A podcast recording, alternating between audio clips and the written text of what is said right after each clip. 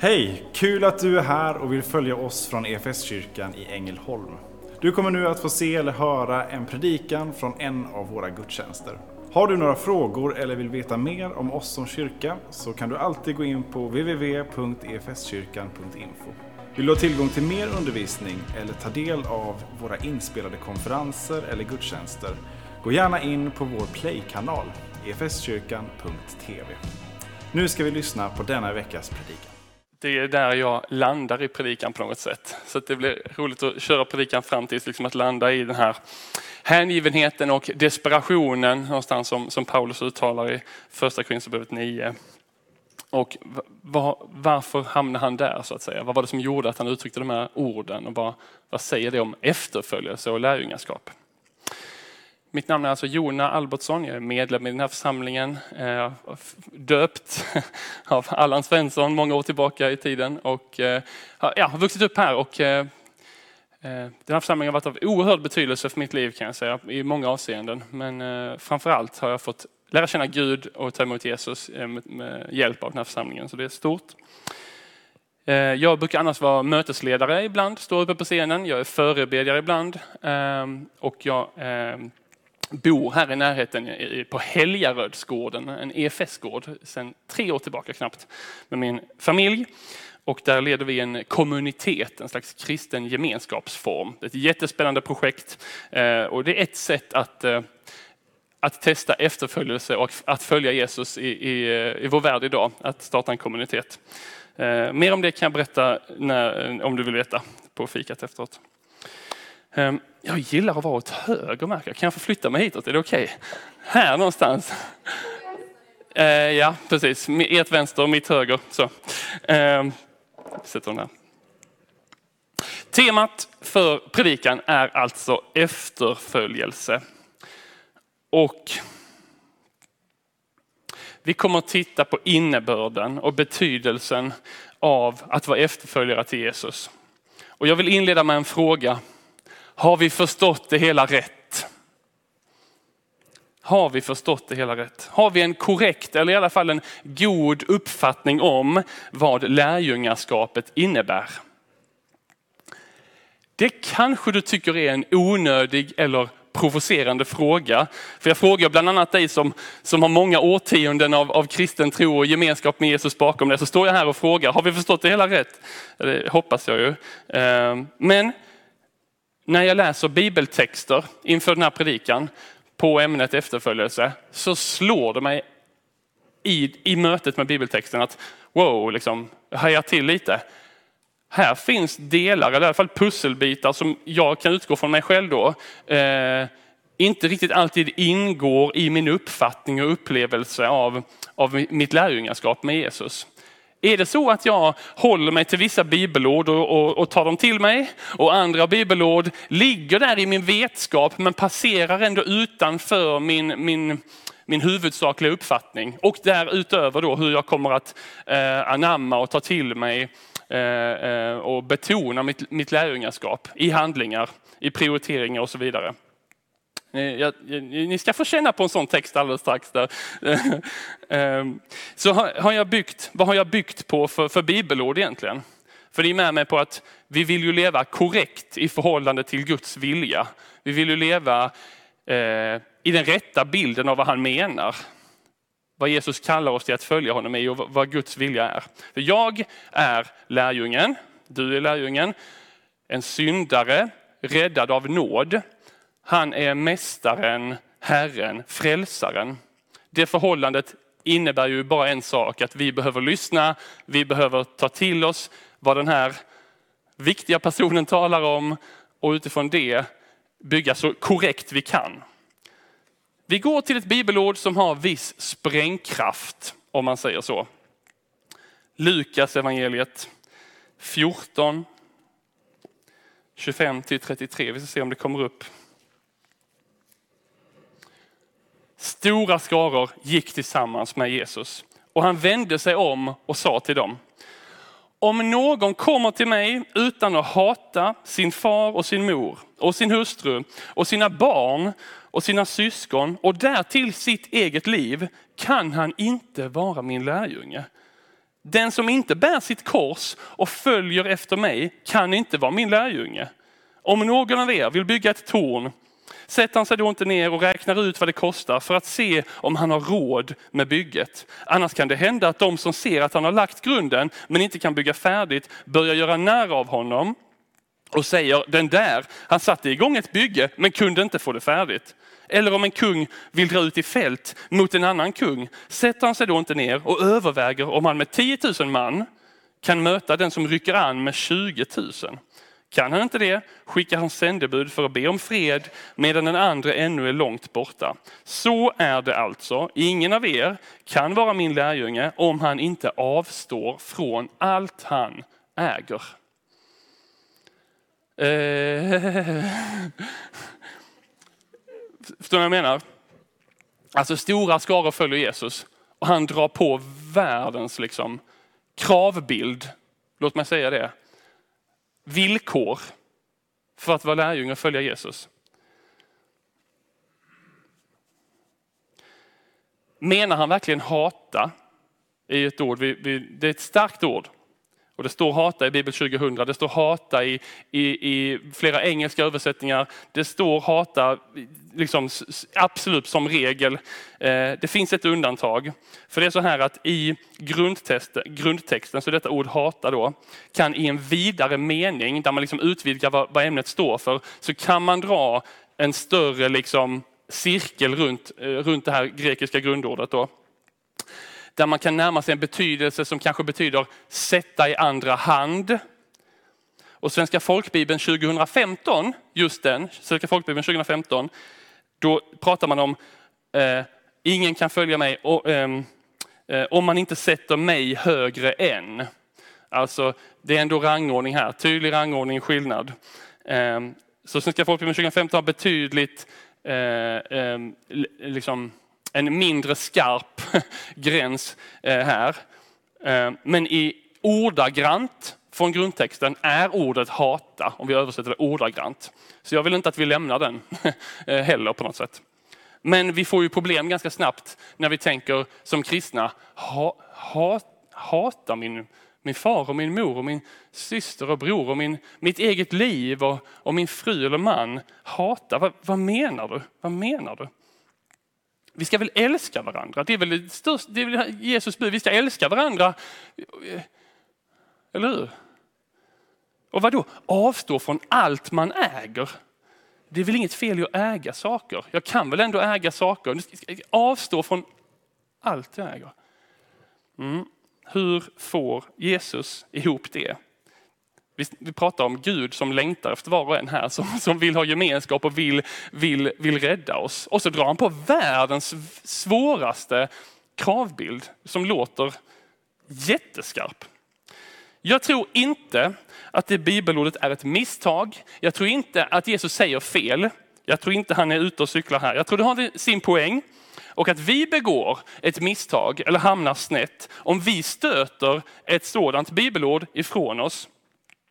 För det har nog, tror jag, sin början i Guds karaktär och Guds helighet. Helig betyder avskild. Och är man avskild,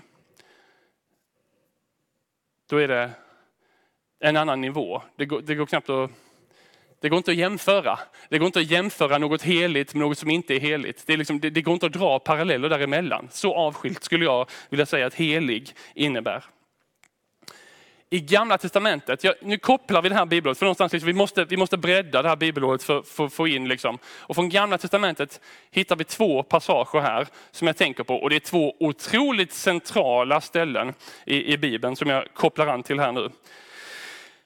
Jesus själv refererar till lagens största bud i Markus evangeliet 12.28. Vi tar och tittar på, tar och tittar på den. Lagens största bud 12.28. En av de skriftlärda som hörde dem diskutera märkte hur väl Jesus svarade och kom fram och frågade honom, vilket är det viktigaste budet av alla? Ah, stannade där. I så fall är det min miss. Då fortsätter jag här. Eh, Jesus svarade, viktigast är detta, hör Israel, Herren vår Gud. Herren vår Gud är den enda Herren och du ska älska Herren, din Gud, av hela ditt hjärta, av hela din själ, av hela ditt förstånd och av hela din kraft. Sedan kommer detta.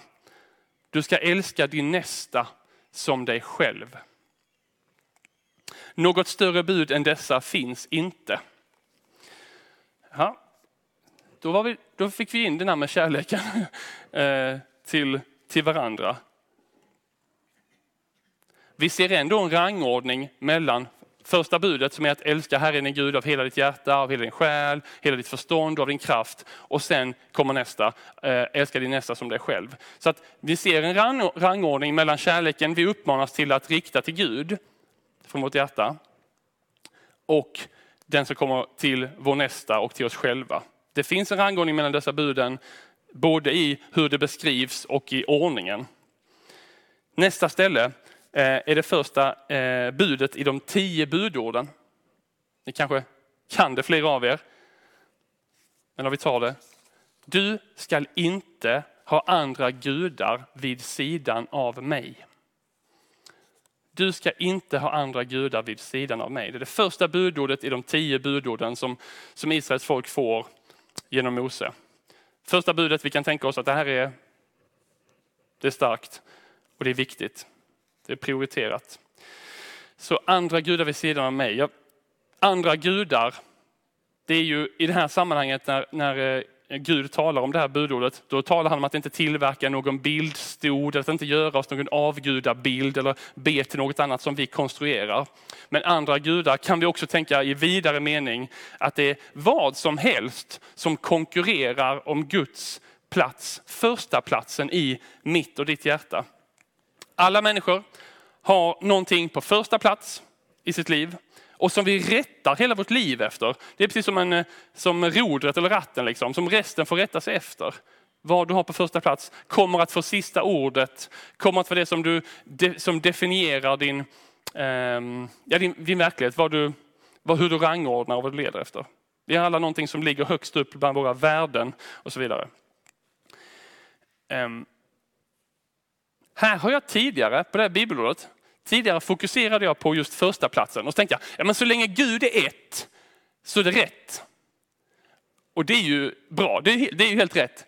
Men att inte ha andra gudar vid sidan av Gud, tänker jag när jag förbereder detta, att det kan också betyda att yes, så Gud nummer ett, men sen kan det finnas andra vid sidan av gudar så att säga.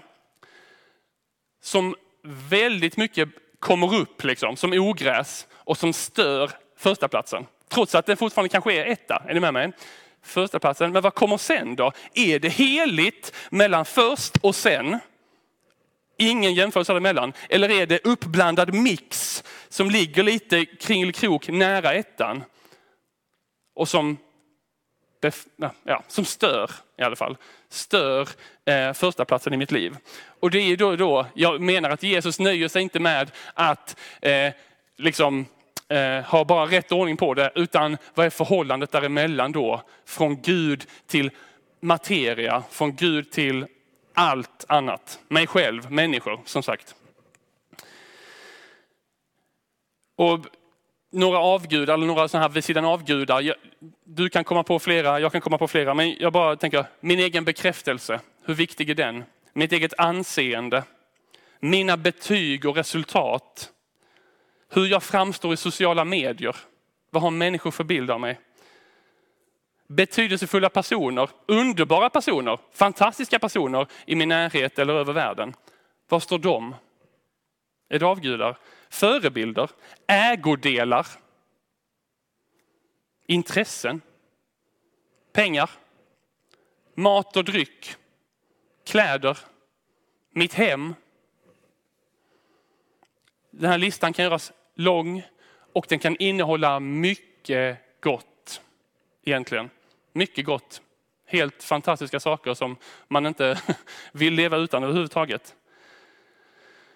Det handlar då om förhållandet till den högste.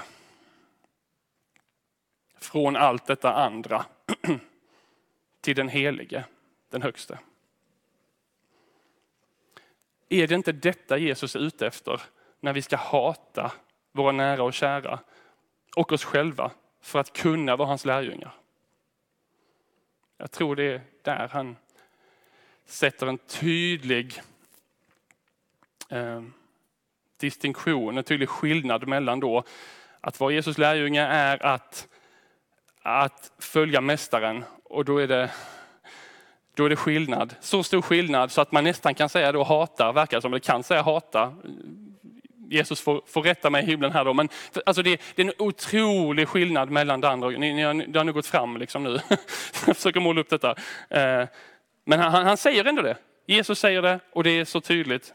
Och vi, vi är inne nu på Guds helighet och den avskilda, avskilde guden. Eh, så är vi beredda att kunna släppa allt det andra utom Gud om det krävs. I evangelierna så lämnar lärjungarna allt, står det. Och följer Jesus. Tanken att lämna ditt jobb, att lämna ditt umgänge, att lämna ditt hem, att lämna dina resurser för Jesus och evangeliets skull. Tänk tanken bara. Vad vet jag? En dag kanske det är fråga om något. Och då är det väldigt bra om vi som lärjungar är beredda på att skilja mellan den helige och det skapade.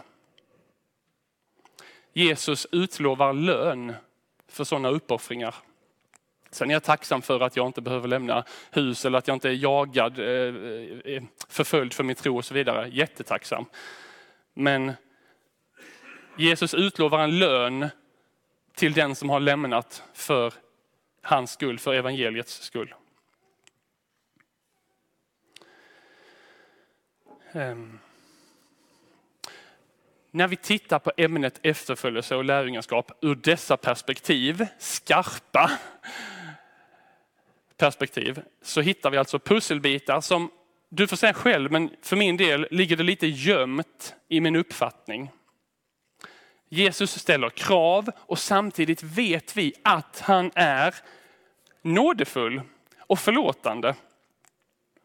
Vi behöver båda perspektiven och jag tror tyvärr då att kyrkan i vårt land lättast landar i att bejaka och kommunicera Guds kärlek, öppna famn och barmhärtighet. Men det blir halvt om vi, om vi inte bejakar Guds helighet och allvaret i evangeliet då.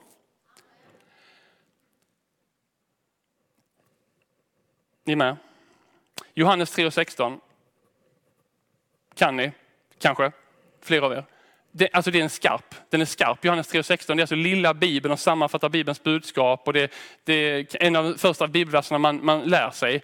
Läs, den, läs eh, innehållet i den. Så älskade Gud världen att han gav den sin enda son för att de som tror på honom inte ska gå under utan ha evigt liv. Ryms, där ryms båda delar tänker jag. Både Guds utsträckta hand men även uttryckligen vad det innebär ett liv utan Gud. Talar vi om att människor kan gå under idag? Eller stannar vi vid en förhoppning om att alla får en chans att välja Jesus när man har dött? Den förhoppningen om att alla människor får en chans att välja Jesus när man har dött, den kan tvätta bort mycket ursäkt så att säga från, från, att, från att tänka sig att det är nu vi har möjlighet att lära känna vår, vår frälsare som kan rädda oss här och nu. Och jag menar i alla fall att bibelordet är tydligt i det avseendet att människan blir räddad genom att ta emot Jesus nu, under detta livet. Och att ta emot Jesus efter jordelivet är betydligt mer oklart. Och du får gärna visa mig bibelord annars som styrker just att efter att vi dött, att då, då, då kommer den stora chansen, eller i alla fall en rimlig chans att ta emot Jesus. Jag, kan, jag, hoppas, jag hoppas att det är så. Gud är nådefull, Gud är barmhärtig. Men utifrån sitt ord Eh, så har vi tillräckligt mycket att gå på för att tänka oss att valet människan gör här och nu under tiden vi lever är viktigt, jätteviktigt.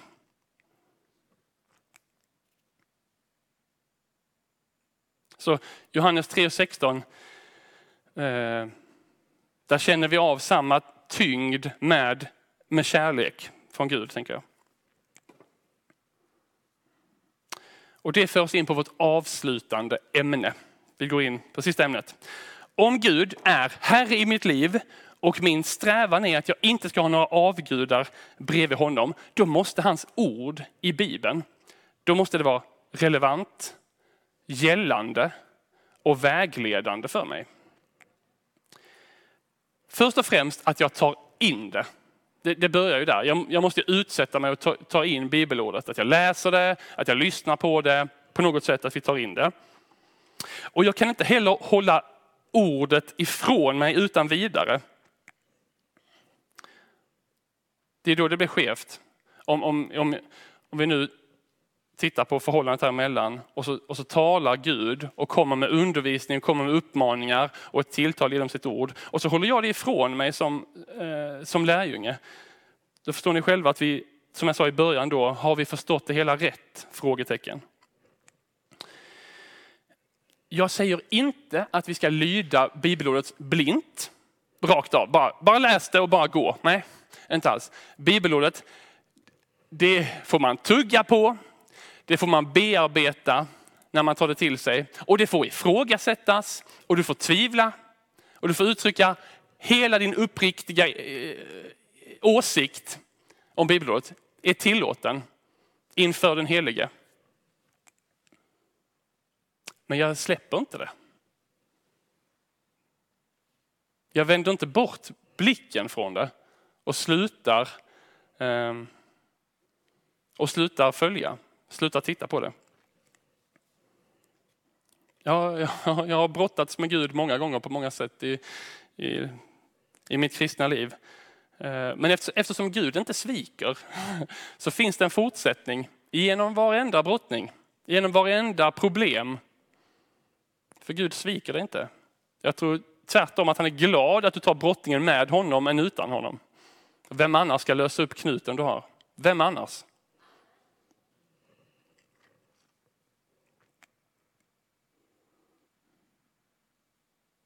Guds ord ska beröra och påverka oss eftersom vi följer honom. Guds fruktan, Guds fruktan, det är ett ämne vi behöver stanna upp inför i vår tid idag tror jag.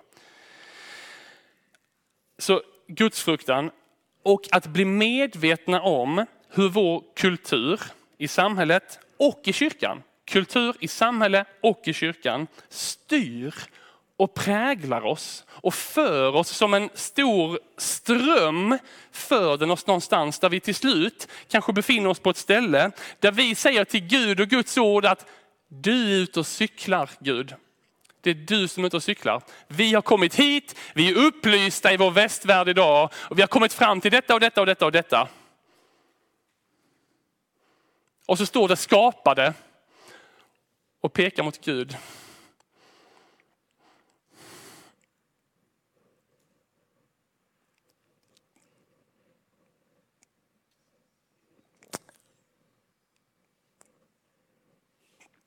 Gud är ute och cyklar.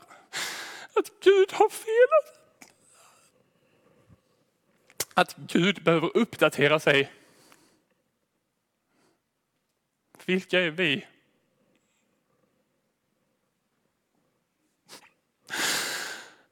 Förlåt, förlåt. Förlåt. Vilka är vi att undervisa Gud? Vad, vi sjöng O store Gud inledningsvis. Om livet vi har fått. Och allt det härliga i skapelsen som vi har fått. Och vår kultur kan bedra oss i och utanför kyrkan, tror jag. Så att till slut är vi framme på en punkt där Gud framstår som så upp, ouppdaterad, så ute och cyklar. Och för en kristen människa kan det då innebära att man lägger undan Bibeln. Den får ligga där eller stå i bokhyllan eller kanske på nattduksbordet.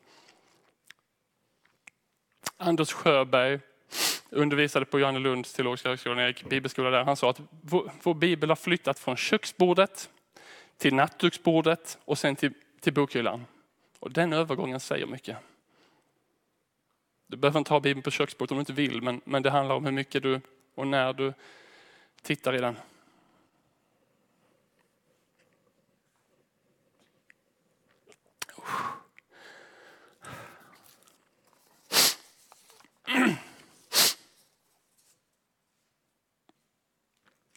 Jag behöver vakna här i förhållande till det vi just talat om.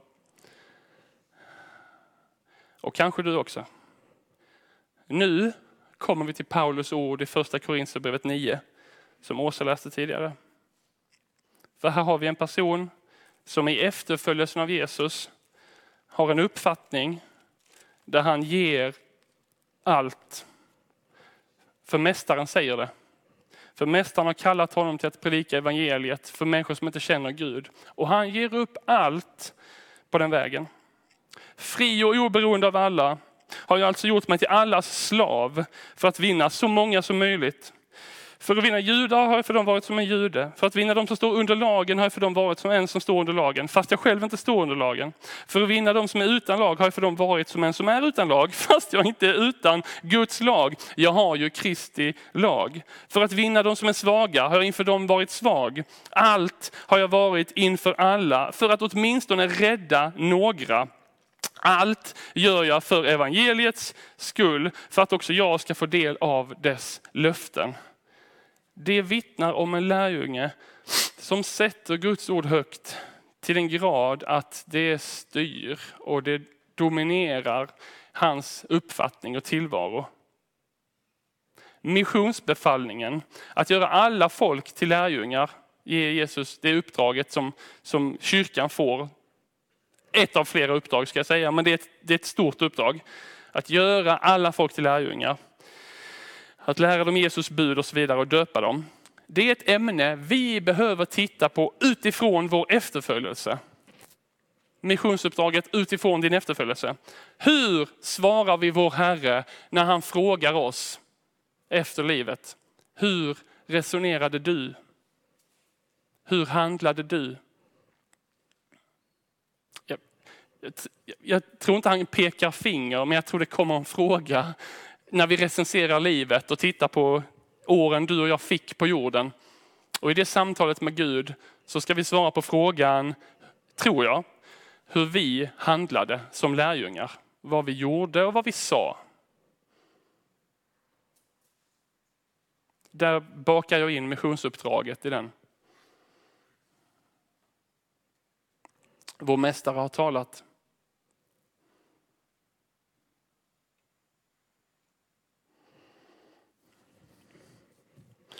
Vi knyter ihop säcken här. Vi har tittat på efterföljelse. Har vi rätt bild? Eller saknar vi perspektiv av Guds helighet och skarpa villkor? Avgudar. Ingår Gud i en blandad mix i mitt hjärta eller är han avskild på första plats? Guds tilltal i Bibeln. Tar jag in det och låter jag det vara rådande, gällande i mitt liv som lärjunge? Vad svarar jag Gud när vi tittar tillbaka på mitt liv? Och till sist av allt, som vi har talat om så är Gud både helig och barmhärtig. Full av nåd. En öppen famn. Som vi får komma till precis som vi är.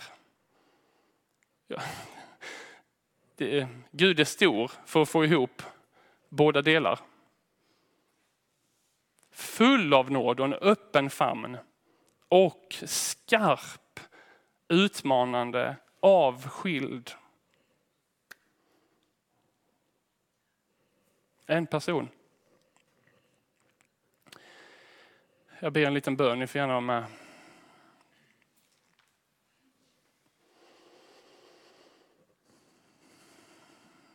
Herre Gud, vi kommer inför dig som vi är. Vi förundras över den du är. Ehm, och du ser hur vi möter bibelord. Du ser vad det betyder för oss och vad vi, hur det berör oss och hur det slår an i våra liv när du talar. Och vi ber att du ska leda oss vidare härifrån. Att du ska vara nära oss, att du ska förklara saker, att du ska föra oss vidare. Vi vill följa dig. Och vi tackar dig för att allting ryms av våra frågor eller vad den är inför dig. I Jesu namn. Amen. Som kyrka är det en glädje att få spela en liten roll av allt Gud gör i och genom ditt liv. Vi vill gärna fortsätta följa dig på den resan. Och vill du ta reda på vad ditt nästa steg kan vara på din resa med Gud så gå in på efskyrkan.info nästa steg. Vår längtan är att få se människor och samhällen förvandlade av Jesus. Genom en kyrka som återspeglar Guds hjärta, bär varandra och betjänar människor varhelst vi befinner oss varje dag.